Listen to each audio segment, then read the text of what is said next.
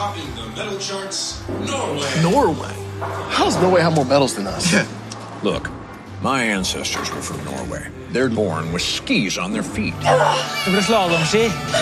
I mean, their whole society is built around my skiing. So naturally, they win anything that involves skis.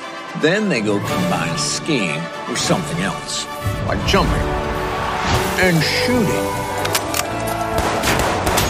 That's unbelievable. I heard they're looking into combining skiing and hockey. Talk skiing. We're screwed.